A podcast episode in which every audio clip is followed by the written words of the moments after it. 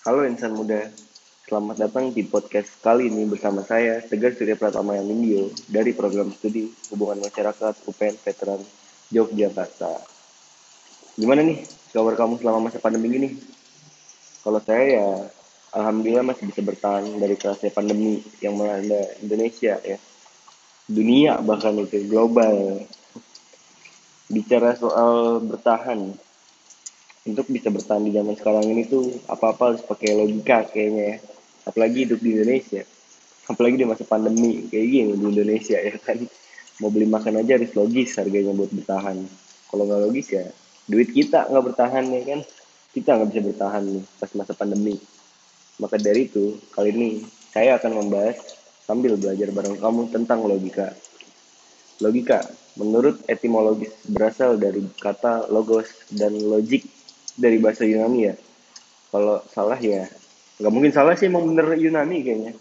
Logos artinya sesuatu yang diutarakan melalui proses pertimbangan akal kata percakapan atau ungkapan lewat bahasa. Nah kalau logik artinya seni berpikir yang diungkapkan secara lengkap. Nah kalau menurut para ahli seperti yang dikatakan oleh Aristoteles logika adalah ilmu untuk membuat kesimpulan yang tepat jadi untuk kamu yang belum tahu siapa Aristoteles itu, tapi kayak nggak mungkin ya, karena Aristoteles adalah filsuf dari Yunani gitu, filsuf terkenal, legenda, yang sering disebut sebagai bapak ilmu pengetahuan dunia. Nah, ada pendapat lain, yaitu dari Jan Hendrik Rapper ya. Hendrik nih bukan Jimi Hendrik. Jan Hendrik Rapper ini mengatakan bahwa logika adalah cabang filsafat yang mempelajari, menyusun, mengembangkan dan membahas asas-asas, aturan-aturan formal, prosedur-prosedur, serta kriteria yang sahih, yang sah bagi penawaran dan penyimpulan demi mencapai kebenaran yang dapat dipertanggungjawabkan secara rasional atau masuk akal. Nah, setelah kita bahas-bahas arti dari logika secara etimologis dan menurut para ahli ya, muncul nih pertanyaan-pertanyaan mengapa sih kita harus belajar logika? Kenapa sih logika penting? Kenapa harus belajar logika gitu di zaman sekarang katanya? Apalagi di masa pandemi gini apalagi di Indonesia. Kenapa sih? Ya yang pertama ya karena keterampilan dalam menganalisis dan mengevaluasi secara logis adalah dasar dari berpikir kritis. Itu yang paling penting tuh. Karena pemikiran yang tidak kritis bisa berbahaya karena memperbudak kita untuk mudah dimanipulasi dan dipengaruhi kritis di sini tuh bukan kritis karena covid ya. Bukan tapi berpikir secara mendalam gitu berpikir kritis. Pikiran itu mendalam gitu. Nah kenapa harus berpikir kritis? Ya biar nggak mudah dibodohi itu tadi. Biar bisa bertahan. Zaman sekarang ngeri men. Pilpres aja pada pakai black campaign. Pilpres saya jualan head speech. Jadi ya kita seakan dituntut gitu untuk berpikir kritis dalam segala hal. Biar nggak gampang ikutan orang mending kalau ikut-ikutan hal yang baik kalau ikut-ikutan orang yang bawa hal negatif gitu.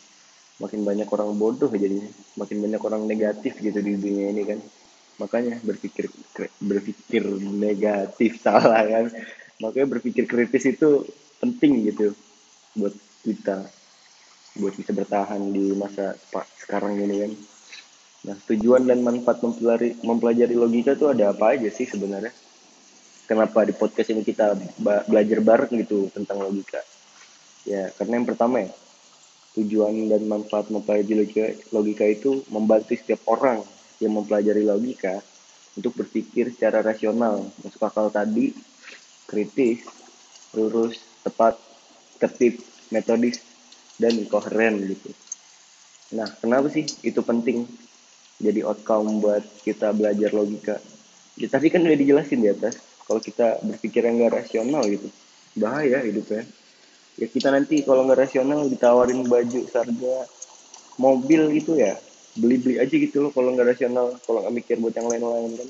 Kalau nggak mikir kritis penting nggak gitu kita beli kayak gitu. Lanjut ya. Yang kedua itu meningkatkan kemampuan berpikir secara abstrak cermat dan objektif.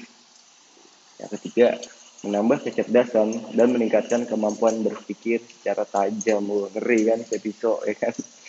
Jadi inget peribahasa gitu kan kayak pisau semakin biasa semakin tajam.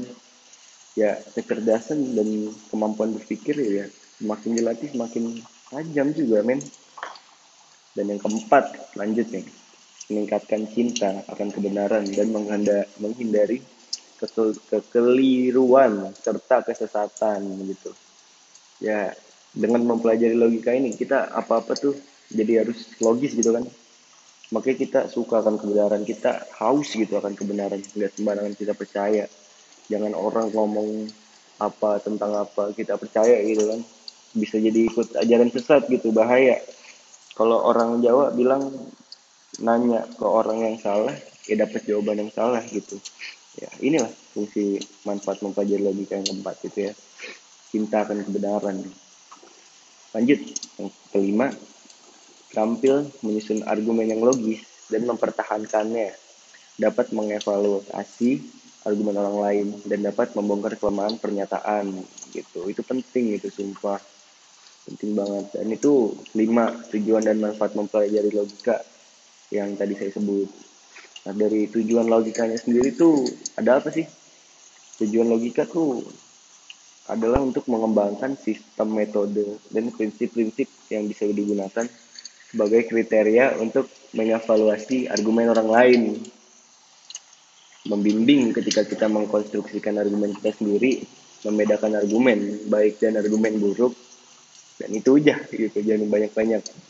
Saya cuma menyebutkan tiga karena menurut saya itu paling penting gitu ya.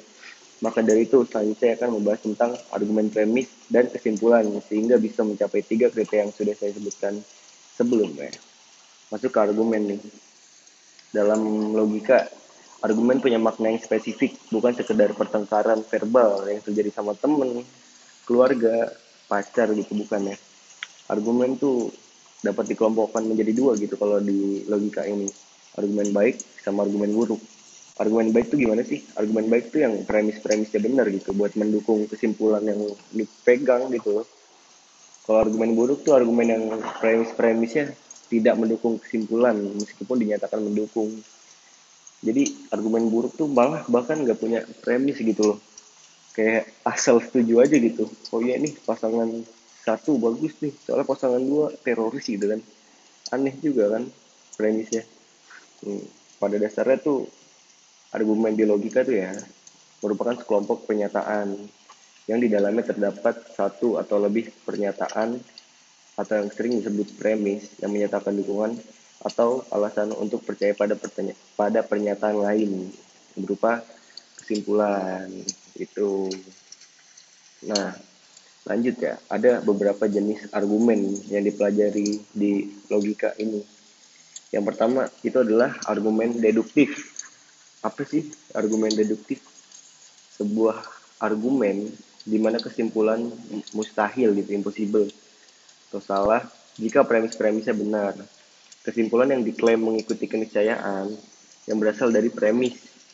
Premis-premis membimbing pada keharusan bahwa kesimpulan benar. Maka dari itu melahirkan kesimpulan yang pasti. Itu argumen induktif. Selanjutnya kan, argumen induktif adalah sebuah argumen di mana kesimpulan tidak mungkin salah jika premis-premisnya benar. Tuh, ingat ya. Kalau deduktif tadi itu apa? Induktif itu argumen di mana kesimpulan tidak mungkin salah jika premis-premisnya benar. Kesimpulan yang diklaim mengikuti kemungkinan dari premis. Premis-premis membimbing pada kemungkinan bahwa kesimpulan itu benar, yang akan melahirkan kesimpulan berupa kemungkinan.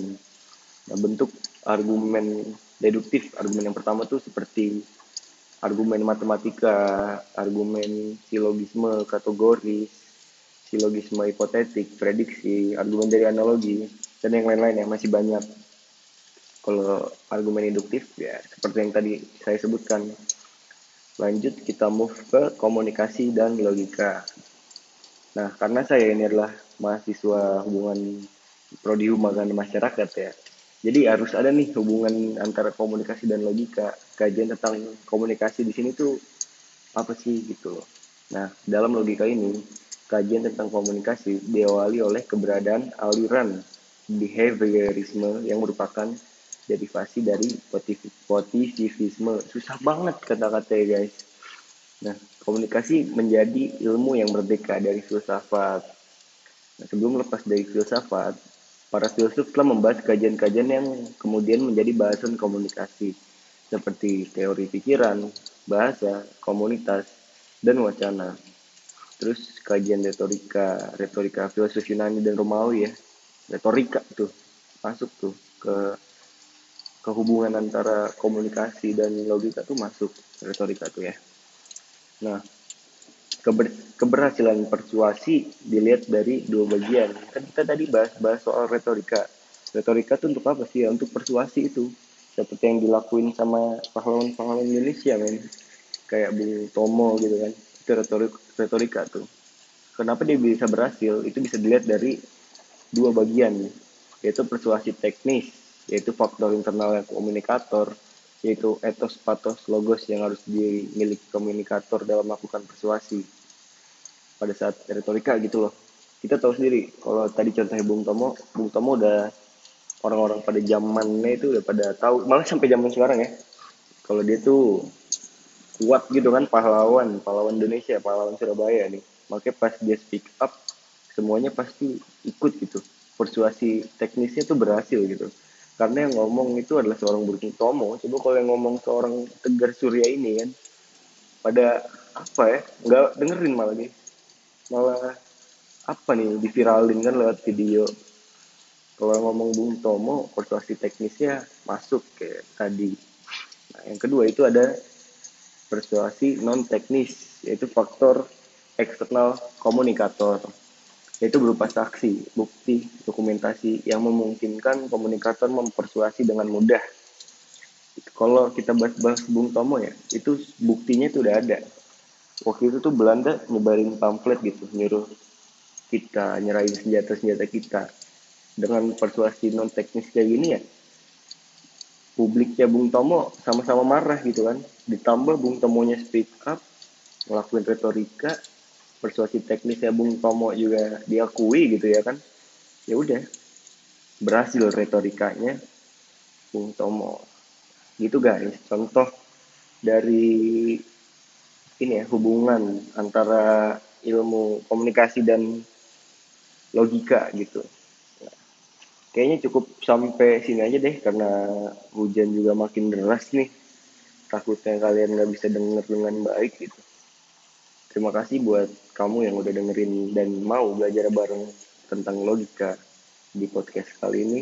Sampai ketemu di podcast berikutnya. Saya Tegar Surya Pratama Nindyo, pamit undur diri. Bye.